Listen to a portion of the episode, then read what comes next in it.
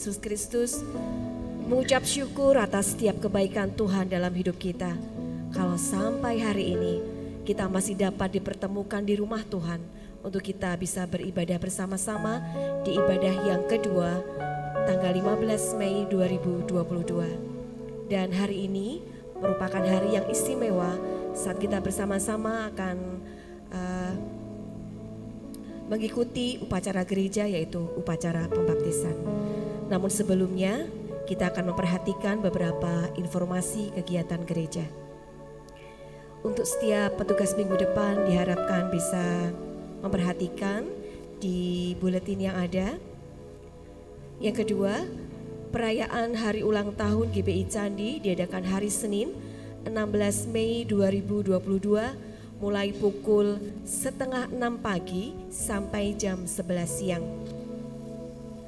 acara jalan sehat, lomba balap karung, dan aneka permainan tradisional, pemeriksaan kesehatan gratis, ceramah kesehatan, basar UMKM, panggung hiburan, dan pembagian door prize. Segenap jemaat diundang untuk hadir. Informasi yang ketiga, parkir peserta acara Gebiar HUT GBI Candi Senin 16 Mei berada di area Hotel Wing Marian. Peserta jalan sehat diharapkan hadir maksimal pukul 5 lebih 20 menit, 10 menit sebelum acara dimulai. GPI Candi juga mengucapkan selamat ulang tahun untuk Tanggal 15 Mei Bapak Samuel Joko Santoso, Ibu Dian Andiniwati. 21 Mei Ibu Mami Sumarmi, Ananda Rafael Moses Hirlambang. Selamat menikmati hari penuh sukacita yang diberikan Tuhan Yesus. Semakin diberkati Tuhan dalam segala hal, semakin semangat melayani Tuhan. GBI Candi juga mengucapkan terima kasih kepada Ibu Naning, Ibu Misi Suryani, dan Ibu Sri Lestari untuk persembahan bunga indahnya. Mari Bapak Ibu Saudara-saudari dalam Tuhan, kita mengarahkan hati dan pikiran kita. Mari kita menghampiri Tuhan. Saya mengajak jemaat untuk bangkit berdiri.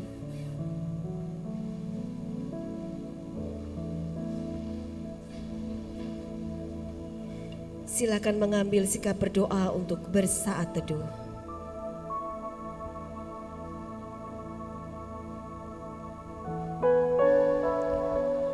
Bagi Dia yang mengasihi kita dan yang telah melepaskan kita dari dosa kita oleh darahnya dan yang telah membuat kita menjadi suatu kerajaan menjadi imam-imam bagi Allah Bapaknya bagi dialah kemuliaan dan kuasa sampai selama-lamanya.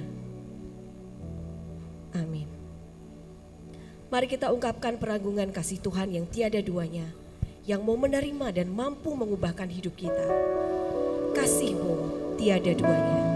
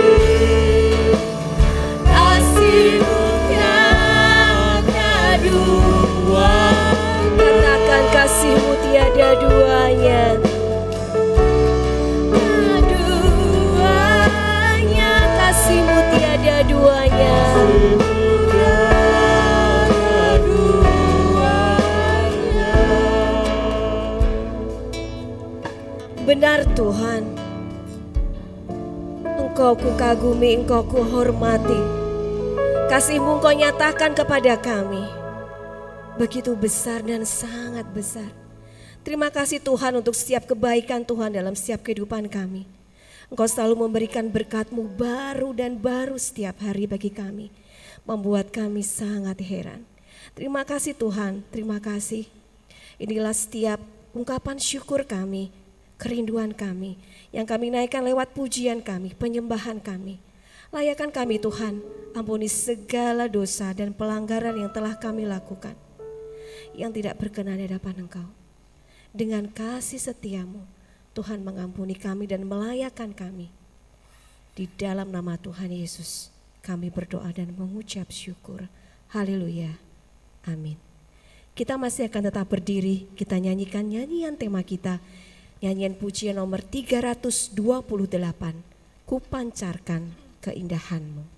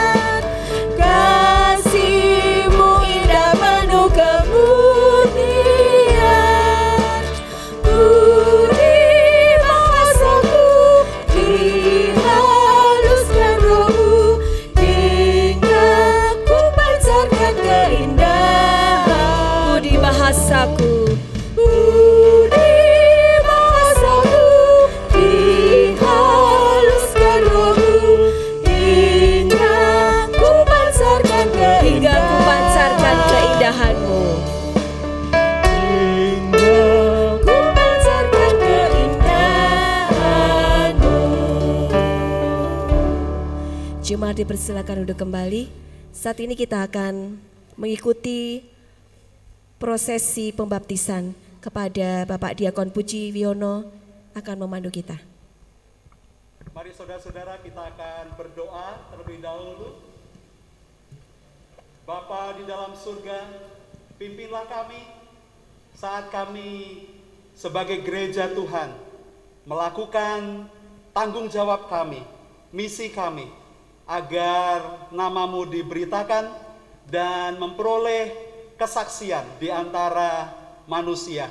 Dan biarlah ini menjadi amanat agung yang terus dikerjakan oleh gereja kami, agar kami menjadikan sekalian bangsa menjadi muridmu dan membaptiskan mereka di dalam nama Bapa dan Anak dan Roh Kudus dan mengajarkan segala sesuatu yang Engkau perintahkan kepada kami. Pimpinlah kami di dalam nama Tuhan Yesus Kristus kami berdoa.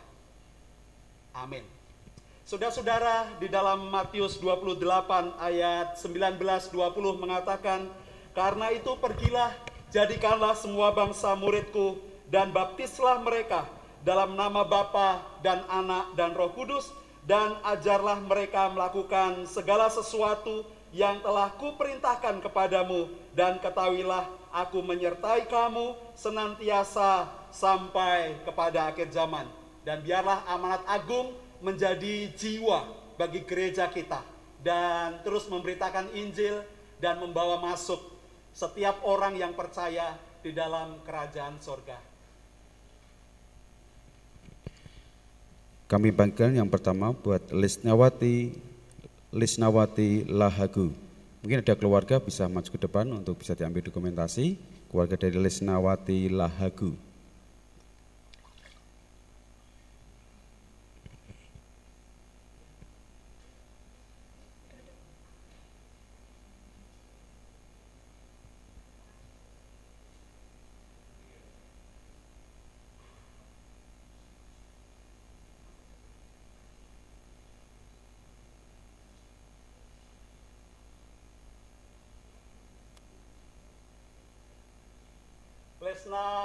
Lesna Wati Lahagu.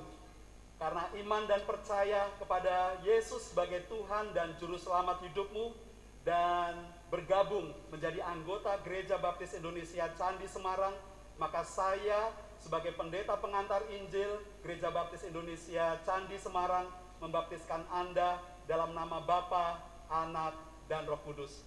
Amin.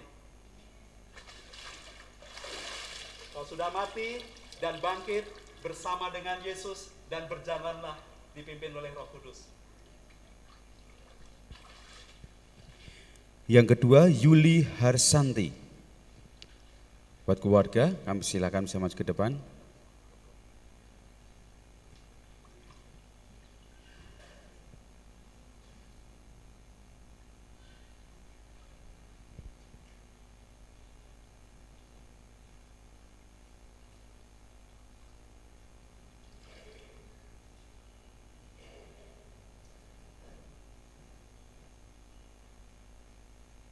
Yuli Harsanti.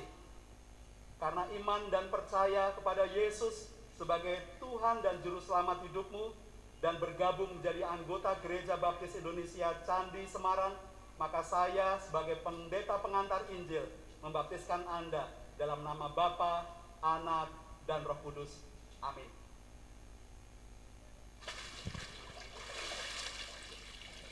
Kau sudah mati dan bangkit bersama dengan Yesus dan hidupmu dipimpin oleh Roh Kudus. Ketiga Rahmat Uke Nur Setio.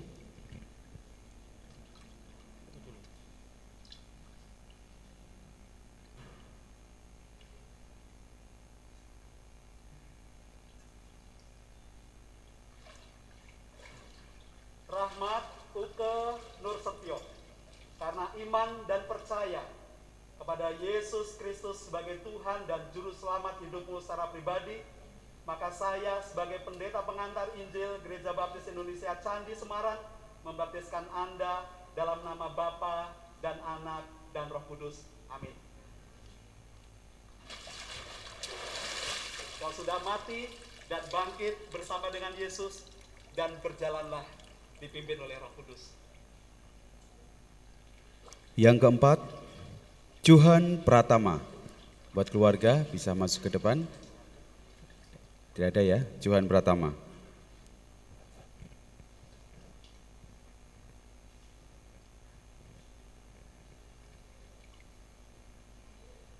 Johan Pratama, karena iman dan percaya kepada Yesus Kristus sebagai Tuhan dan Juru Selamat hidupmu secara pribadi, maka saya sebagai pendeta pengantar Injil Gereja Baptis Indonesia Candi Semarang membaptiskan Anda dalam nama Bapa dan Anak dan Roh Kudus. Amin. Kau sudah mati dan bangkit bersama dengan Yesus dan berjalanlah dipimpin oleh Roh Kudus. Yang kelima, Tri Lebdo Wibowo Adi. Buat keluarga, kami silahkan.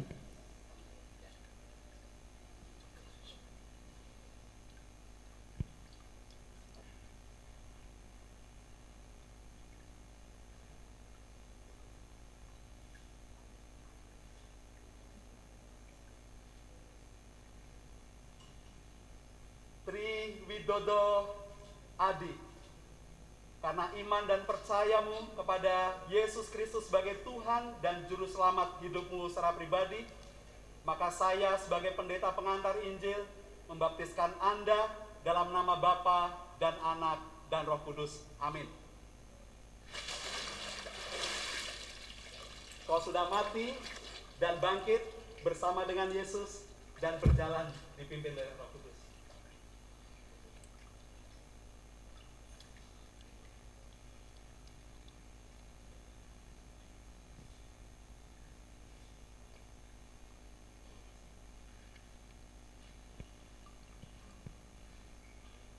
Kudus. Krisnawati. Krishna Wati. Karena iman dan percaya kepada Yesus Kristus sebagai Tuhan dan Juru Selamat hidupmu secara pribadi, maka saya sebagai pendeta pengantar Injil Gereja Baptis Indonesia Candi, Semarang membaptiskan Anda dalam nama Bapa dan Anak dan Roh Kudus. Amin. Kau sudah mati, bangkit bersama dengan Yesus, dan berjalanlah dipimpin oleh Roh Kudus.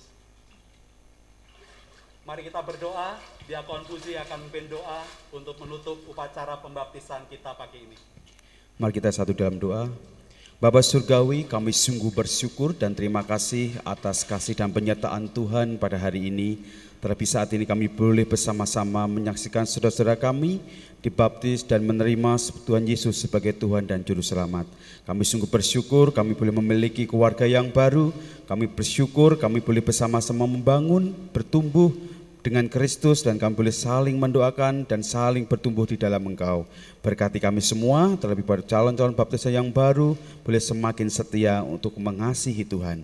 Terima kasih Tuhan, di dalam nama Tuhan Yesus kami berdoa. Amin.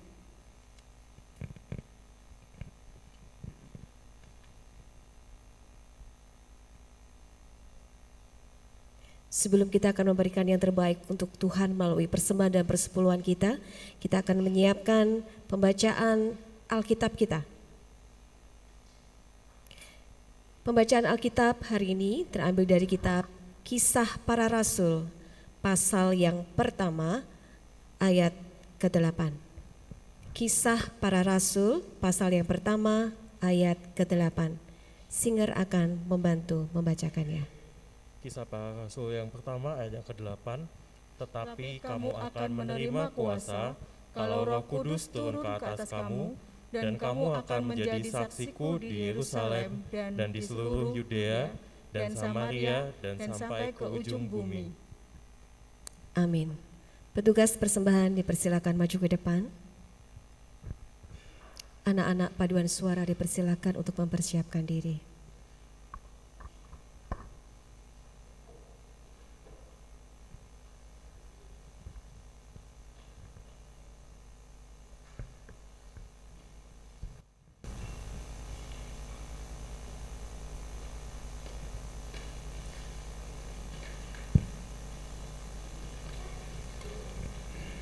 Kita akan berdoa persembahan dulu.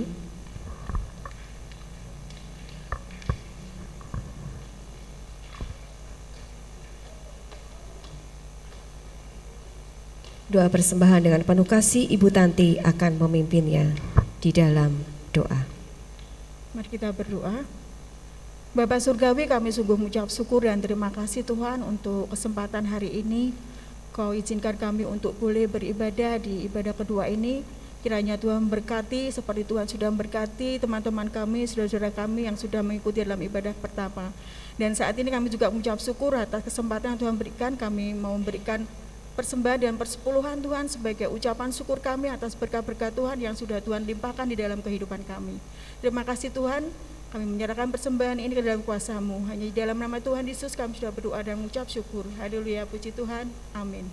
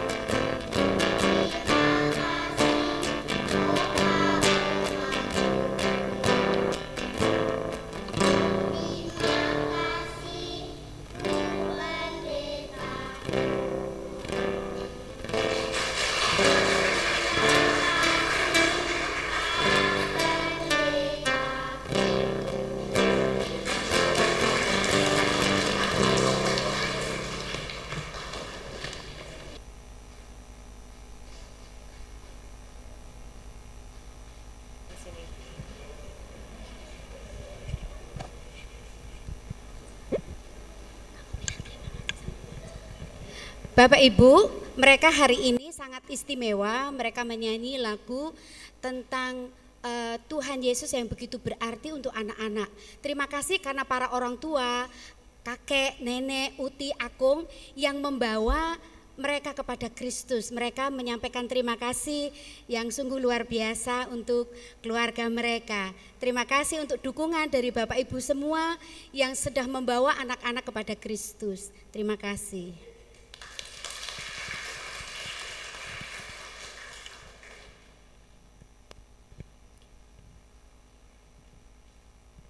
saya undang jemaat untuk bangkit berdiri bersama-sama. Kita akan menyiapkan hati kita. Kita akan memberikan yang terbaik untuk Tuhan sebelum kita mendengarkan firman Tuhan. Hati hamba kita akan pujikan bersama-sama.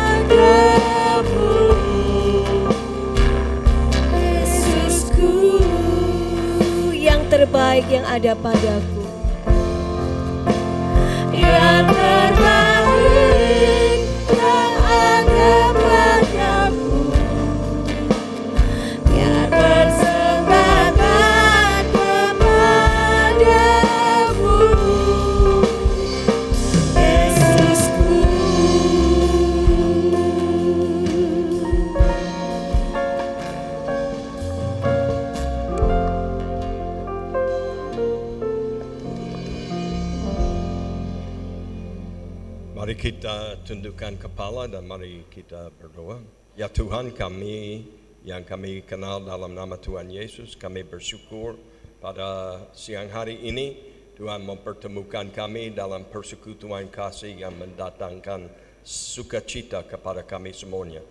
Kami bersyukur atas enam petobat yang baru menyerahkan diri untuk dibaptiskan sebagai tanda luar bahwa mereka mengalami satu perubahan besar di dalam dirinya. Terima kasih Tuhan atas keselamatan yang Tuhan berikan kepada kami secara gratis sehingga kami diperbolehkan menjadi anak-anak Tuhan.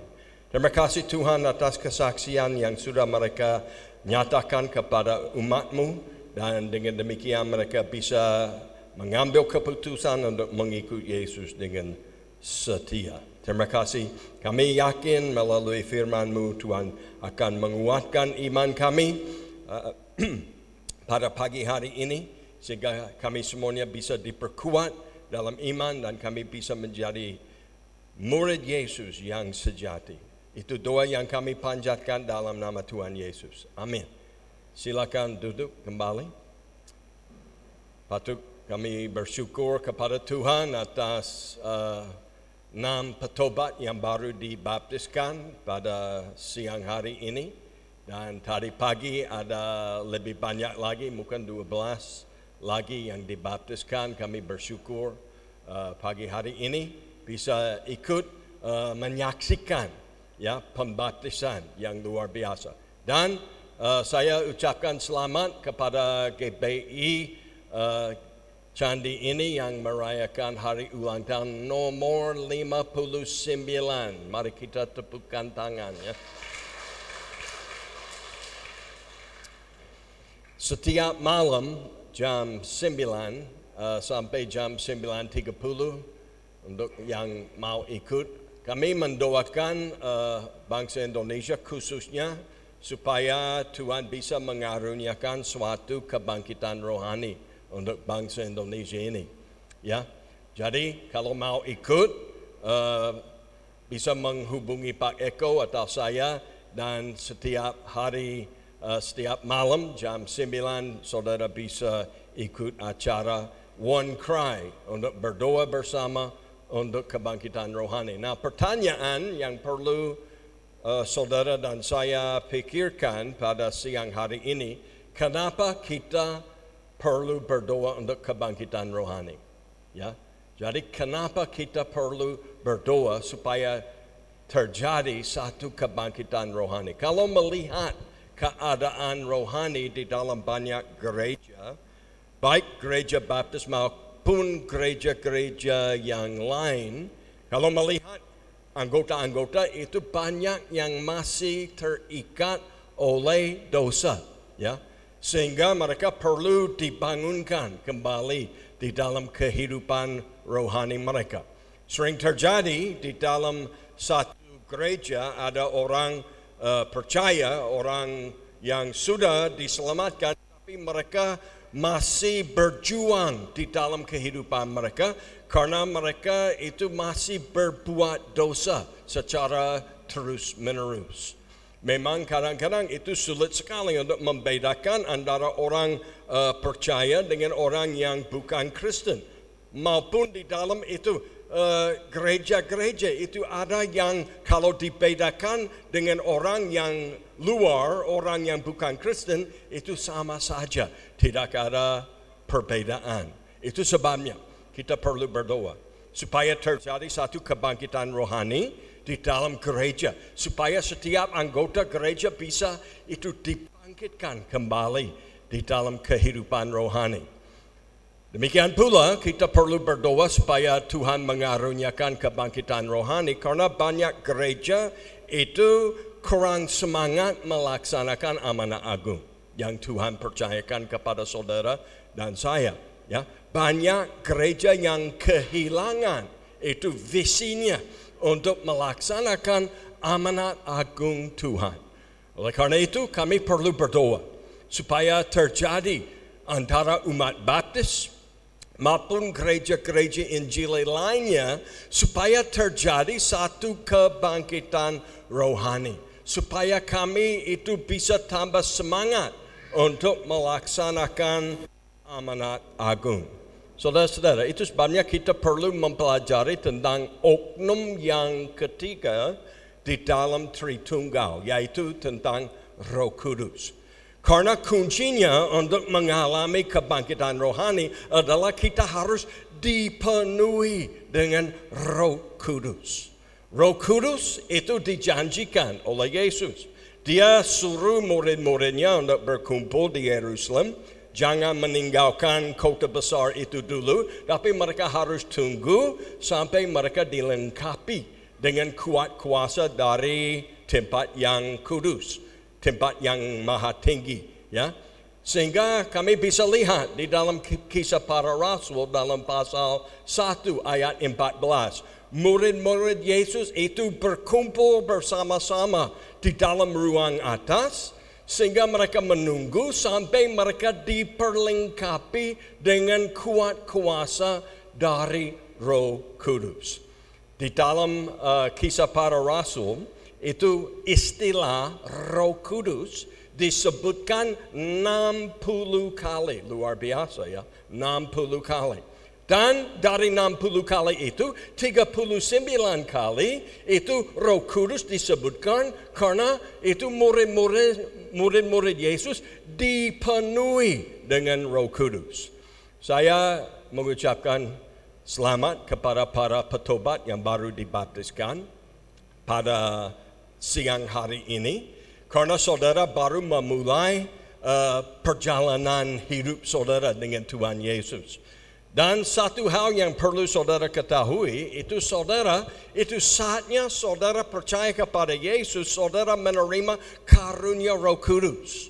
Dan Roh Kudus sesuai dengan slide yang baru ditayangkan itu bersaksi bersama-sama dengan roh kita. Kenapa? Karena saatnya saudara menaruh kepercayaan sepenuhnya kepada Yesus. Saudara itu menerima pembaptisan dari Roh Kudus. Ada pengajaran mendasar yang dapat saudara pelajari di dalam 1 Korintus pasal 12. Kalau saudara membawa kitab suci, saudara bisa membuka kitab suci masing-masing di dalam pasal 12, 1 Korintus. Coba lihat ayat 13. Itu pengajaran mendasar dari firman Tuhan mengenai doktrin Roh Kudus. Sebab dalam satu roh kita semua baik orang Yahudi maupun orang Yunani, baik budak maupun orang merdeka telah dibaptis menjadi satu tubuh dan kita semua diberi minum dari satu Roh Kudus. Saudara-saudara, saatnya saudara baru menaruh kepercayaan kepada Yesus Kristus, saudara dibaptiskan ke dalam roh ke dalam tubuh Kristus melalui Roh Kudus, ya. Itu namanya pembaptisan Roh Kudus. Ada seorang uh, pendeta yang terkenal di Amerika namanya W.A. Criswell. Dia mantan pendeta dari Gereja Baptis pertama Dallas, Texas. Dia mengatakan sesuatu yang tidak dapat saya lupakan. Dia bilang begini. Di dalam apa kekristenan ada satu pembaptisan Roh Kudus, tetapi ada banyak kepenuhan Roh Kudus.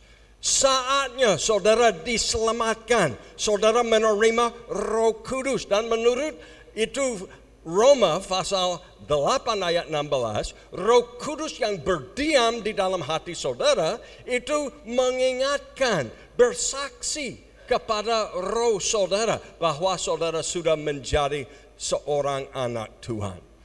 Kalau saudara itu mau bertumbuh di dalam Yesus, eh, orang-orang yang baru dibaptiskan, saudara harus apa?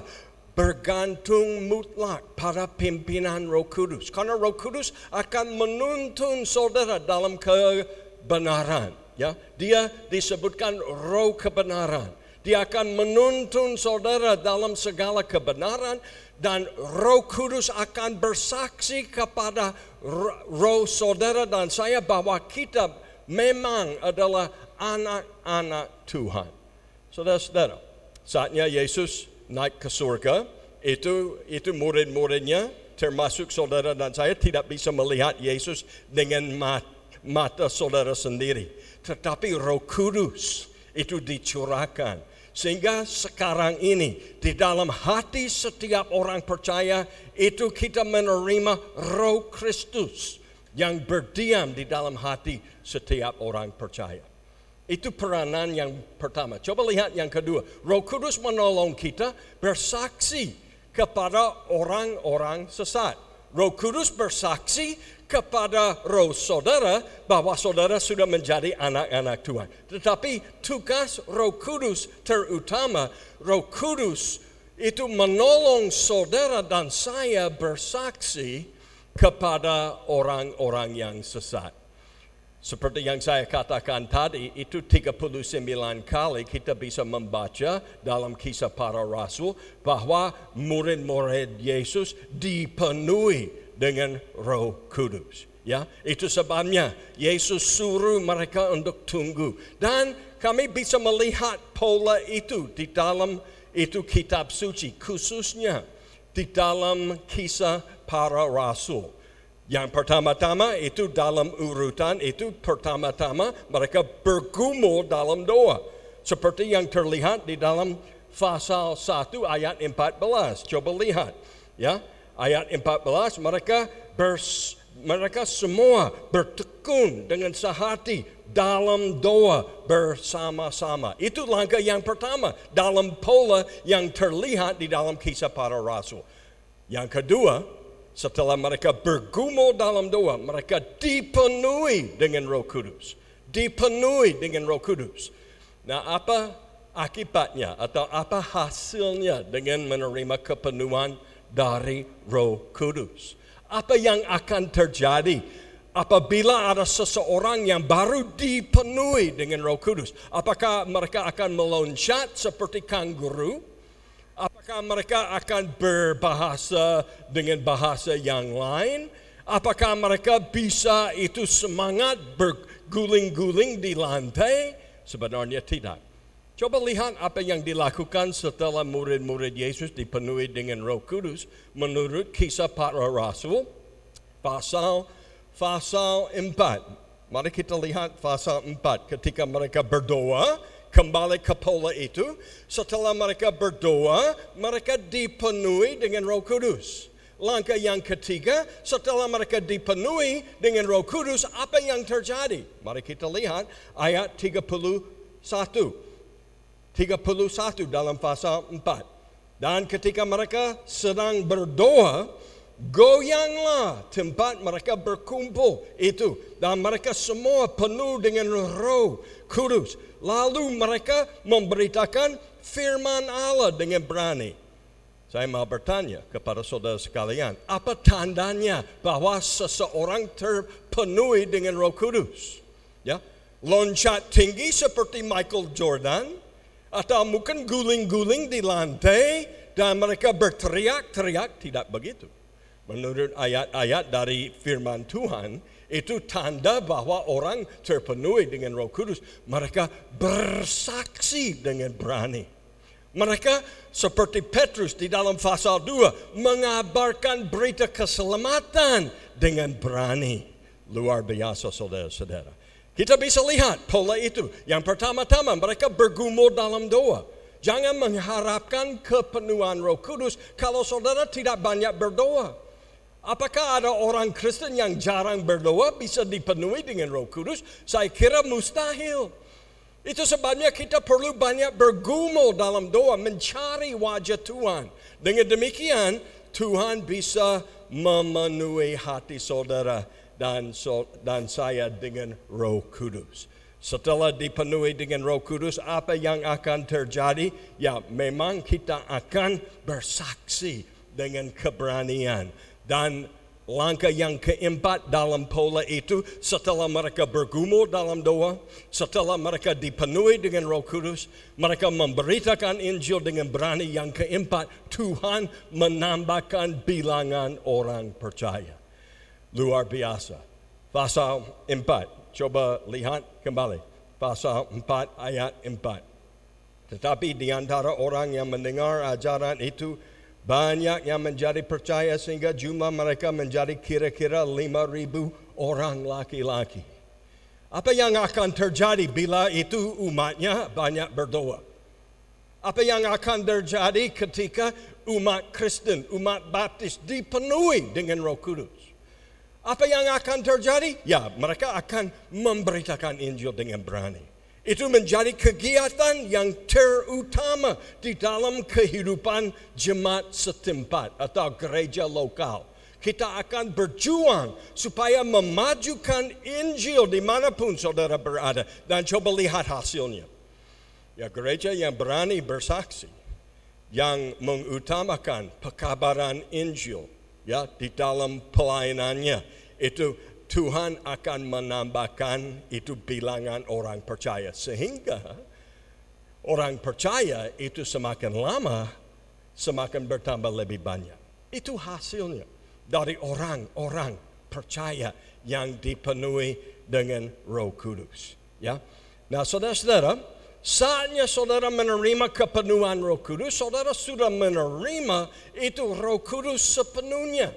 Ya, tidak, mener, tidak usah menerima lebih banyak lagi. Saatnya saudara dipenuhi, saudara bisa menerima itu Roh Kudus sepenuhnya. Besok hari Rabu saya akan uh, bertemu dengan Pendeta Eko. Dia akan ke, ke rumah saya sama Ibu uh, Hendy. Ya, jam 10 ya Pak. Ada janji jam 10 ya. Nah, bayangkan Pak Eko datang ke rumah saya, ada yang ketuk pintu saya, yang masuk itu kepala saja dari Pak Eko. Sepuluh menit lagi itu akan masuk tangannya. Lima belas menit lagi itu uh, kakinya akan masuk. Ya, hanya kakinya. Ya, bayangkan. Ya, tidak terjadi begitu.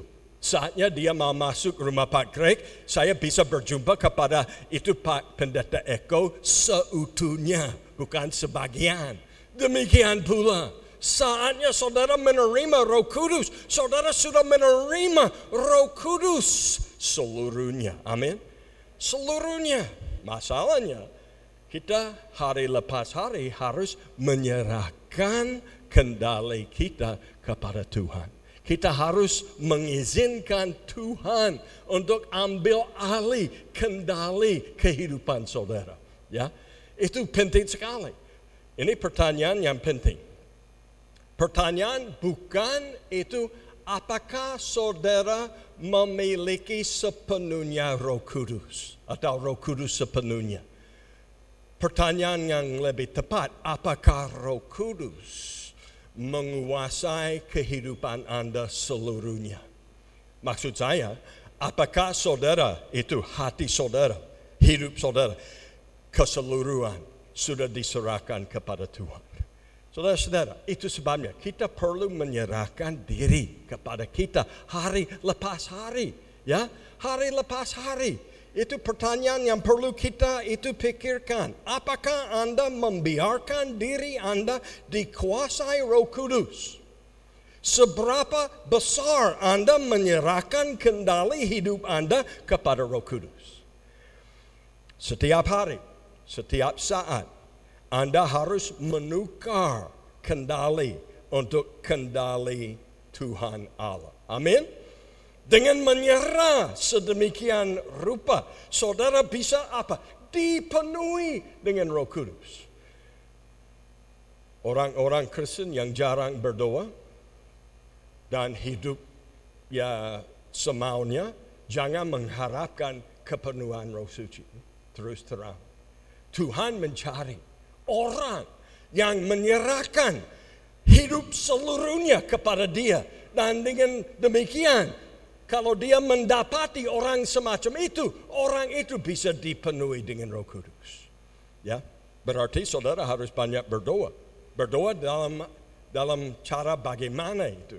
Ya, kita itu menunggu, menantikan dalam doa kepada Allah sampai itu hati, pikiran, dan tingkah laku saudara selaras dengan itu kehendak Tuhan. Dengan demikian, Tuhan bisa memenuhi hati saudara. Dalam dalam Efesus pasal 5 ayat 18. Coba lihat Efesus pasal 5. Pasal 5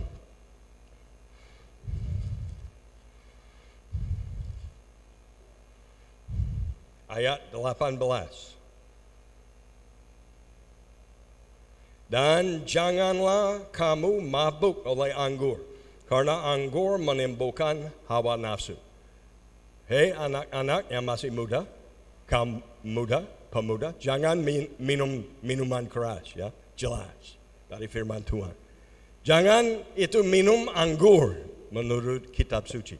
Sampai mabuk. Karena kalau itu ada ada efek ke samping itu kalau minum anggur, minum minuman keras, itu omongnya tidak jelas. Kalau jalan itu zigzag, ya, tidak lurus. Tapi daripada itu kita harus dipenuhi dengan roh kudus. Coba lihat ayat 18 bagian terakhir. Karena anggur menimbulkan hawa nafsu, tetap hendaklah kamu penuh dengan roh kudus penuh dengan Roh Kudus. Itu dalam itu kata kerja yang dalam bentuk itu present tense. Maksudnya kita harus dipenuhi dengan Roh Kudus secara terus-menerus. Sesuai dengan apa yang baru saya ajarkan tadi, itu pembaptisan Roh Kudus terjadi sekali. Saatnya saudara menerima Yesus, tetapi ada banyak kepenuhan Roh Kudus. Itu sebabnya hari lepas hari kami perlu mencari wajah Tuhan. Ya, kalau ada dosa-dosa yang menjadi pemisah antara saudara dan dan Tuhan, kita perlu apa? Mengaku, membuang apa saja yang menjadi penghalang buat saudara mendekati Tuhan. Setelah itu kita perlu didoa, berdoa supaya kita dipenuhi dengan kuat kuasa dari Roh Kudus hari lepas hari, saat demi saat. Saudara, orang-orang yang baru percaya itu sudah dipenuhi dengan Roh Kudus, sudah dikuasai. Tapi jangan lupa besok pagi minta dikuasai lagi ya. Ada satu pembaptisan tapi banyak kepenuhan Roh Kudus. Nah, mari kita lihat yang terakhir. Yang terakhir Mari kita lihat slide yang ditayangkan. Roh Kudus memampukan kita untuk bersaksi melalui perbuatan-perbuatan baik kita. Maksud saya sering terjadi kita kalau bersaksi dengan perkataan baik, ya, tetapi kalau itu perbuatan-perbuatan kita tidak sesuai dengan apa yang kita katakan, katakan orang yang mendengar kesaksian saudara itu tidak mau menerimanya saudara akan didiskualifikasi. Kenapa? Karena apa yang saudara katakan tidak sesuai dengan apa yang saudara lakukan. Apakah ada orang seperti itu di dalam itu jemaat di Candi? Mungkin ada ya. Bukan ada yang itu uh, apa yang saudara katakan, pengakuan dengan mulut itu tidak sesuai dengan perbuatan-perbuatan sehari-hari. Tetapi Roh Kudus akan menolong. Ya. Orang yang dipenuhi dengan Roh Kudus, dia akan memampukan saudara untuk apa hidup sesuai dengan firman Tuhan. Dia akan memampukan saudara itu untuk bersaksi melalui perbuatan-perbuatan baik. Karena dipenuhi dengan Roh Kudus adalah kunci untuk beroleh hidup yang berkemenangan. Ya, tidak ada kuasa untuk berhasil dalam pelayanan kita tanpa kekuasaan dari Roh Kudus, saudara-saudara. Uh, saya punya itu adik ipar, namanya Yakub. Yakub itu suka bermain golf. Kalau saya sendiri tidak pandai bermain golf. Tapi kalau Yakobus itu eh, adik kandung dari Bushele, wah pandai sekali bermain golf. Saya lihat kalau dia bermain golf, dia pakai sarung tangan golf. Pernah lihat sarung tangan? Dan kalau dia pakai itu, dia bisa pakai stick golf supaya bola golf itu bisa dipukuli dan lurus, ya. Tapi bayangkan kalau sarung golf itu dilepaskan, ditaruh di atas meja, dan Pak Yakub bilang itu ayo, itu sarung golf saya, silakan ambil stick dan silakan pukul bola golf itu. Ya, walaupun dia berbicara kepada sarung golf itu tidak bisa berbuat apa-apa ya. Tidak bisa berbuat apa-apa. Itu Yesus bilang apa ya? Aku pokok anggur dan kamu adalah ranting-rantingnya. Orang yang percaya kepadaku dan tinggal di dalam aku akan berbuat banyak. Karena di luar aku kamu tidak bisa berbuat sesuatu pun.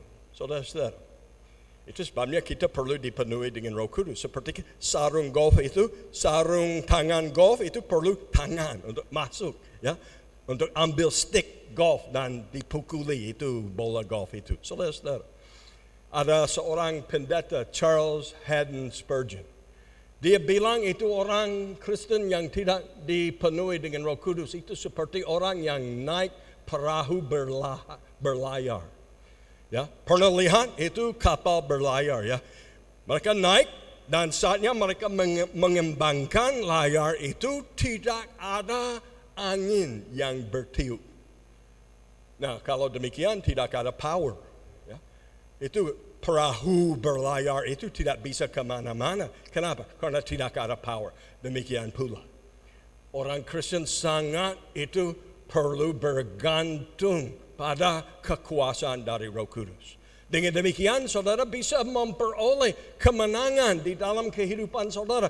Saudara bisa mengalami transformasi baik di dalam diri saudara sehingga saudara semakin lama semakin menyerupai Yesus.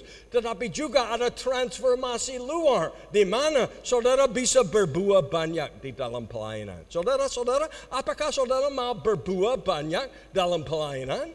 Mau atau tidak?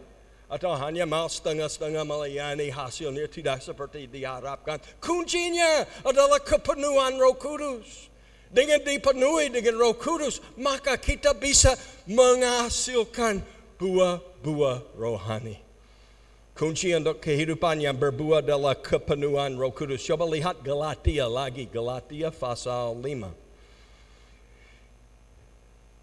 Kitab Galatia itu penting sekali dalam pasal 5. Dia bilang kita harus hidup oleh roh. Maksudnya harus tinggal di dalam pokok anggur.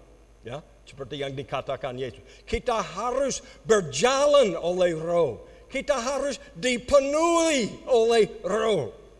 Dengan demikian hasilnya terlihat di dalam pasal 5 itu ayat 22. Coba lihat ayat 22 dari pasal 5 pasal 5 ayat 22 Galatia. Ya, mari kita lihat. Tetapi buah roh ialah kasih, sukacita, damai sejahtera, kesabaran, kemurahan, kebaikan, kesetiaan, kelemah lemah, kelemah lembutan, penguasaan diri. Tidak ada hukum yang menentang hal-hal. Ayat 25 penting sekali. 25, coba lihat. Jikalau kita hidup oleh roh, baiklah hidup kita juga dipimpin oleh roh. Lebih jelas, kita harus melangkah bersama dengan roh kudus. Melangkah bersama-sama. Jangan mendahului Roh Kudus. Jangan itu apa tertinggal dari belakang, tapi harus melangkah bersama-sama, harus dipenuhi dengan Roh Kudus hari lepas hari, saat demi saat. Dengan demikian, saudara bisa menghasilkan buah-buah rohani yang yang tertera di dalam ayat 22 sampai yang terakhir itu. Kalau tidak, berarti ada banyak orang Kristen yang tidak hidup oleh Roh Kudus, tetapi hidup dalam daging. Ya, ada dua kemungkinan, saudara-saudara. Ada dua kemungkinan, hidup oleh daging atau hidup oleh Roh. Harus pilih salah satu. Kalau hidup oleh daging terlihat di dalam ayat pasal 5 lagi. Coba lihat. Nah ini orang Kristen yang dijelaskan di dalam bacaan ini. Luar biasa. Pasal 5. Dan kita akan lihat dari pasal 5 ayat 16. Maksudku ialah hiduplah oleh roh. Maka kamu tidak akan menuruti keinginan daging. Sebab keinginan daging berlawanan. Berlawanan. Ya, dengan keinginan roh dan keinginan roh berlawanan dengan keinginan daging. Karena keduanya bertentangan sehingga kamu setiap kali tidak melakukan apa yang kamu kehendaki. Ya, akan tetapi jikalau kamu mem memberi dirimu dipimpin oleh roh, maka kamu tidak hidup di bawah hukum Taurat. Perbuatan di bawah hukum Taurat. Perbuatan daging, ayat 19, coba lihat. Perbuatan daging telah nyata, yaitu percabulan, kecemaran, hawa nafsu, penyembahan berhala, sihir, perseteruan, perselisihan, iri hati, amarah, kepentingan diri sendiri, percideraan, roh pemecah, kedengkian, kemabukan, pestopora dan sebagainya. Saudara-saudara, itu menjelaskan apa? Bukan hanya orang-orang yang bukan Kristen, banyak orang Kristen yang itu hidup oleh daging yang tidak mengizinkan Roh Kudus menguasai kehidupan mereka hari lepas hari, saudara-saudara. Seandainya saudara sudah apa naik mobil, saudara bingung di jalan, itu orang yang ikut mobil saudara itu sudah tahu jalannya ke tujuan dan saudara bertanya waktu sudah sampai di persimpangan, belok kanan atau kiri? Lurus, belok kanan, belok kiri. Dan petunjuk jalan menjawab, belok kanan dan kiri. Loh, bagaimana mungkinkah? Bisa belok bisa belok kanan, bisa belok kiri, tapi bagaimana mungkinkah bisa belok kanan dan kiri? Tak mungkin. Seperti orang Kristen yang mau hidup oleh roh, tidak boleh hidup oleh daging. Ya, karena kalau hidup menurut daging akan menghasilkan perbuatan-perbuatan daging yang sudah terlihat dalam bacaan firman Tuhan yang baru dibacakan tadi. Saudara-saudara, saya kira itu kita bisa lihat. A.W. Tozer, dia orang uh, pengkhotbah dari abad yang lalu ya. Itu sudah abad yang ke-20 ke-2000. Dia bilang begini, kalau Roh Kudus dilepaskan, dicabut, 95% dari gereja kita pada masa kini tidak bisa melihat perbedaannya. Loh, kok bisa begitu? Maksudnya, kalau itu roh kudus dicabut, dilepaskan, meninggalkan banyak gereja, mungkin 50-95% gereja tidak bisa melihat perbedaannya. Sedangkan pada masa Tuhan Yesus, pada masa rasul-rasul, kalau Roh Kudus itu meninggalkan jemaatnya, wah segala sesuatu akan berhenti, nah, bisa jalan. Ya, dan mungkin 95% dari orang percaya bisa lihat, waduh, itu Roh Kudus kok di mana? Saudara-saudara, ya. Kalau Roh Kudus dicabut di dalam jemaat yang pertama, sekali lagi, 95% dari apa yang mereka lakukan akan berhenti ya dan semuanya akan memperhatikan perbedaannya. Saudara-saudara, mari kita lihat slide yang terakhir. Kalau lihat slide ini buku yang saya apa tugaskan kepada setiap mahasiswa waktu saya mengajar di STBI. Kalau ikut kelas pemuridan, mereka wajib mempelajari buku ini dan membaca buku ini. Namanya uh, Hidup Kristus di dalam hidupku. Itu berdasarkan Galatia. Coba lihat Galatia, ini yang terakhir. Galatia pasal 2 ayat 20 berbunyi demikian. Aku telah disalibkan dengan Kristus. Namun aku hidup, tetapi bukan lagi aku sendiri yang hidup, melainkan Kristus yang hidup di dalam aku. Dan hidupku yang ku hidupi sekarang ini di dalam daging adalah hidup oleh iman dalam anak Allah yang telah mengasihi aku dan menyerahkan dirinya untuk aku. Apa kuncinya untuk masuk ke dalam keluarga Tuhan? Harus beriman, ya. Karena kasih karunia kamu diselamatkan oleh apa? Oleh iman. Bagaimana saudara bisa bertumbuh di dalam Kristus? Harus berjalan oleh iman, percaya kepada Tuhan Yesus bahwa Dia akan hidup melalui kehidupan saudara dan saya. Saya kira kuncinya untuk hidup berkemenangan adalah kita harus menyadari kita sangat memerlukan Roh Kudus untuk hidup di dalam dunia ini, ya. Karena hidup Kristus di dalam diri saudara dan saya akan memampukan saudara melakukan apa yang Tuhan kehendaki. Tanpa Roh Kudus, tanpa Roh Kristus, kami tidak kita tidak bisa berbuat apa-apa. Tapi kalau kita beriman kepada Kristus yang berdiam di dalam saudara dan saya, dia bisa menolong saudara dengan memberikan kuasa dari tempat yang paling tinggi untuk menolong saudara hidup sesuai dengan kehendak Allah dan hidup yang berbuah banyak. Mari kita tundukkan kepala. Ya Tuhan, terima kasih atas firman-Mu mengenai Roh Kudus pada siang hari ini yang begitu banyak mengajari kami mengenai apa yang perlu kami lakukan supaya kami bisa uh, hidup berkemenangan dan bisa memperoleh itu uh, kekuasaan supaya kami bisa memberikan kesaksian yang baik baik melalui perkataan kami maupun melalui perbuatan-perbuatan sehari-hari. Oh Tuhan, kami mohon kiranya Engkau kuasai kami dengan rohmu sehingga kami bisa melakukan tugas yang Tuhan percayakan kepada kami semuanya, yaitu menjadi saksi Kristus yang bisa memberikan kesaksian yang baik baik melalui perbuatan maupun melalui perkataan kami. Terima kasih. Dalam nama Tuhan Yesus kami berdoa. Amin. Sudah tiba saatnya kita akan mengadakan acara undangan dan mungkin di antara kita ada yang mau didoakan, mungkin ada yang mau memperbarui iman saudara.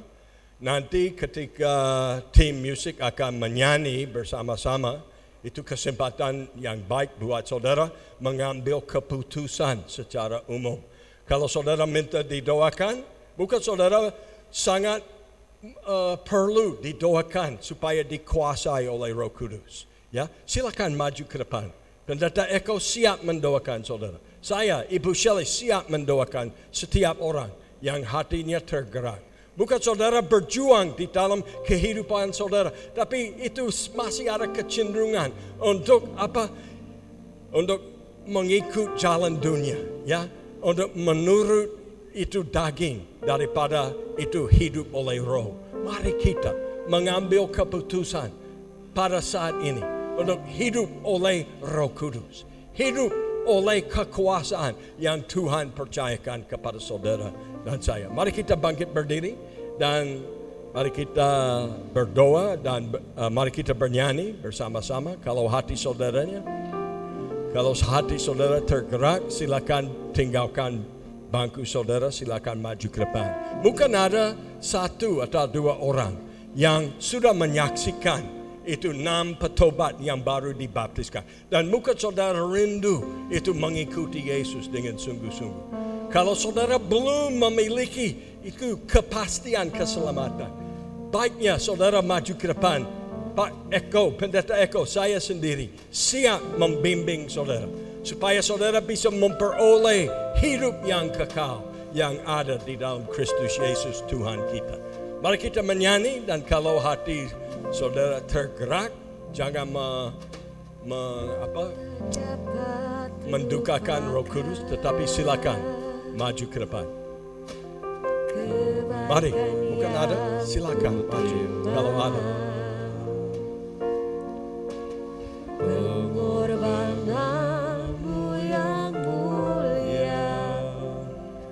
Jadikan ku Puji Tuhan, Roh Kudus sudah dicurahkan. Setiap orang yang didiami oleh Roh Kudus sudah menjadi anak-anak Tuhan. Tapi mungkin ada yang perlu dipenuhi kembali oleh Roh supaya apa pun yang saudara berbuat bisa berkenan di hadapan Tuhan. Dan saudara bisa melayani Tuhan Yesus dengan lebih sungguh-sungguh. Kalau masih ada yang dalam hatinya merasa jauh dari Tuhan, silakan ambil langkah-langkah untuk mendekati Tuhan, untuk mempererat hubungan saudara dengan Tuhan Yesus. Silakan maju kalau masih ada. Hati hamba yang selalu kau cari Biar kau temukan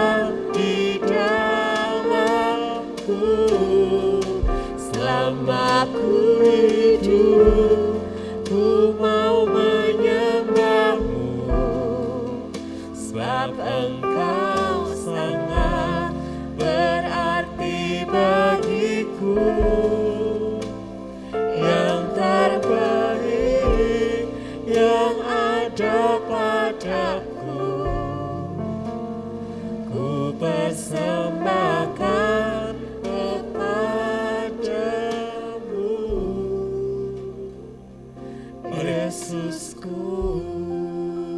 kita mengingatkan saudara dan saya mengenai pola di dalam kitab suci. Umatnya bergumul dalam doa. Itu langkah yang pertama dalam pola, pola yang didapati di dalam firman Tuhan. Setelah bergumul dalam doa, ya orang yang berdoa dipenuhi dengan Roh Kudus. Setelah dipenuhi dengan Roh Kudus, mereka diberi keberanian untuk bersaksi. Ya, semangat baru untuk memberitakan Injil. Yang keempat, itu urusan Tuhan. Langkah yang keempat, Tuhan menambahkan bilangan orang percaya. Sehingga gereja semakin lama, semakin bertambah lebih banyak. Mari kita kembali ke langkah yang pertama. Harus banyak berdoa. Ya, apakah saudara kurang berdoa? Kalau saudara berkurang berdoa, jangan mengharapkan kepenuhan Roh Kudus. Mari kita meningkatkan usaha upaya saudara untuk melayani dengan Tuhan, dengan mohon kepada Tuhan dengan luar biasa supaya saudara bisa dipenuhi dengan Roh Kudus. Kalau ada yang minta didoakan, silakan, jangan malu. Masih ada, masih ada kesempatan kalau ada. Mari kita menyanyi satu kali lagi. Dan kalau uh, tidak ada yang maju, bisa menutup. Ya. Ini kesempatan yang indah buat saudara yang masih ragu-ragu, yang masih bimbang, itu perlu dipenuhi dengan roh kudus. Supaya saudara bisa bersaksi. Supaya saudara bisa memberikan kesaksian yang luar biasa. Baik melalui perbuatan-perbuatan sehari-hari maupun melalui perkataan saudara. Mari kita menanggapi firman Tuhan. Masih ada? Silakan.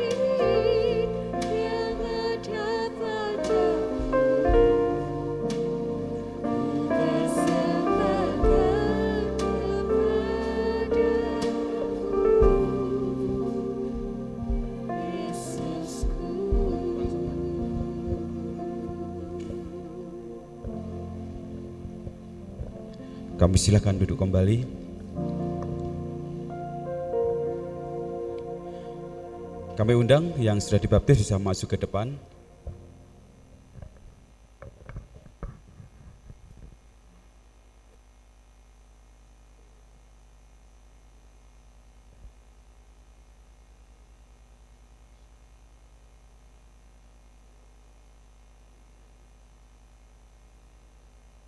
Ya, Bapak Ibu saudara kasih Tuhan, ini adalah saudara-saudara kita yang baru yang bersama-sama dengan kita nantinya di gereja ini bersama-sama bertumbuh bersama dengan Tuhan. Kita boleh sama-sama melayani, kita boleh saling menyapa saudara kita yang baru, mungkin belum kenal satu dengan yang lain. Kita boleh nanti kita boleh berkenalan dan kita boleh bersama-sama kita ajak dalam semua kegiatan gereja kita, semua apa yang ada di gereja kita, kita saling mendoakan, kita saling bertumbuh bersama-sama, kita akan bantu saudara kita supaya kita mereka bisa bersama-sama melayani Tuhan di tempat ini.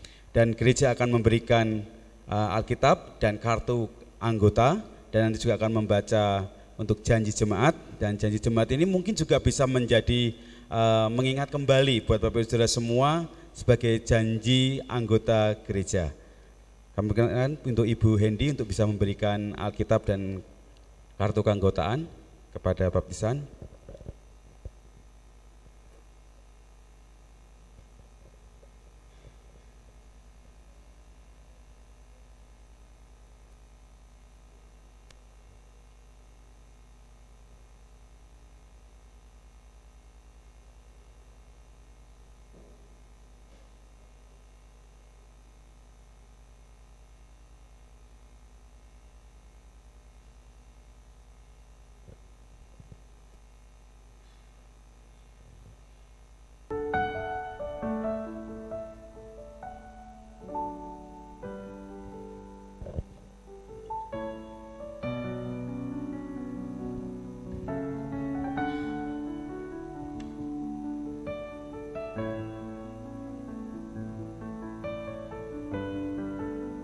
Baik, kita akan bersama-sama mendengarkan janji jemaat anggota dari Gereja Babinsa Candi.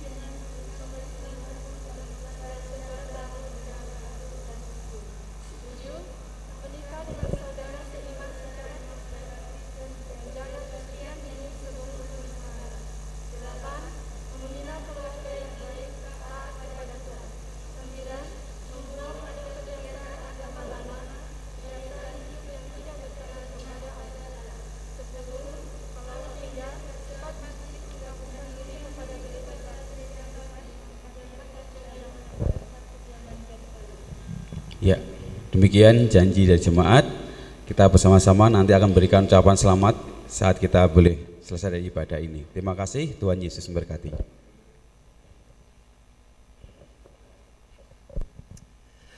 Baik, saudara-saudara kita akan berdiri bersama-sama, kita akan mengakhiri ibadah kita dengan doa. Kami bersyukur untuk firman-Mu melalui pendeta Greg Bracket yang engkau pakai untuk mengingatkan kami bahwa rohmu yang kudus tinggal di dalam hidup kami. Dan biarlah kami menjadi anak-anak Tuhan dan selalu menyendengkan telinga kami kepada suara Tuhan sehingga kehidupan kami sejalan dengan kehendakmu. Kami memberikan hidup kami supaya dikendalikan oleh Tuhan. Terima kasih Bapak dan biarlah kami saat ini bersyukur untuk uh, saudara-saudara kami yang sudah dibaptiskan dan menjadi anggota gereja yang baru di gereja kami dalam persekutuan iman kami dan biarlah kami bertambah-tambah di dalam kasih setia kami kepada Tuhan, mengasihi Tuhan dengan segenap hidup kami, dengan seluruh uh, keberadaan kami, nyawa kami sekalipun dan biarlah kami menjadi kemuliaan Tuhan dan Engkau juga dipermuliakan di dalam dan melalui kehidupan kami dan kami mengiring Tuhan sampai akhir hidup kami. Terima kasih Bapak dan biarlah kami menjadi gereja yang terus memberitakan Injil, memberkati setiap pelayanan-pelayanan kami melalui pelayanan uh, compassion kami PPA di gereja, pelayanan sosial, pelayanan pendidikan, dan pelayanan misi yang Tuhan kerjakan di dalam gereja ini.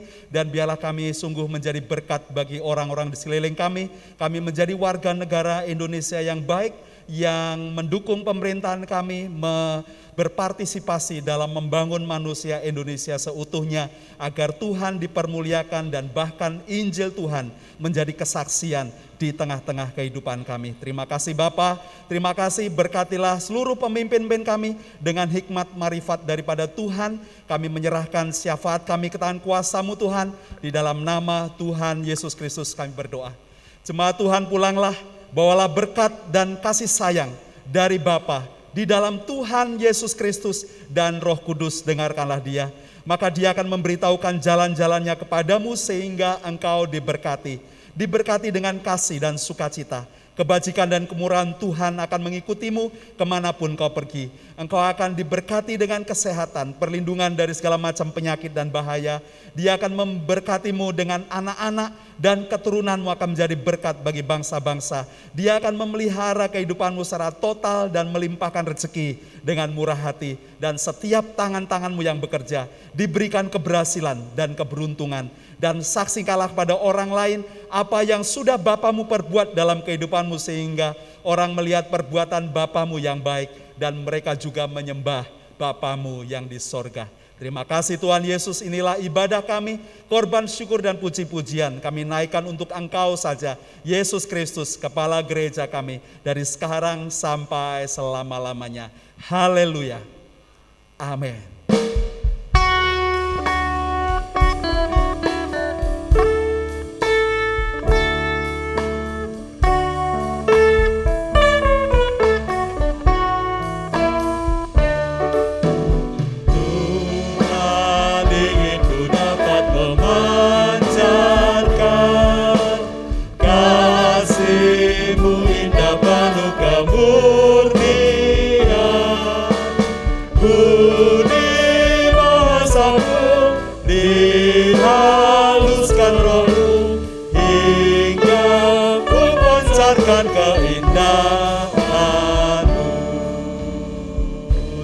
Silakan ambil satu saudara-saudara selamat pagi hati seorang murid yang taat. Tuhan Yesus memberkati.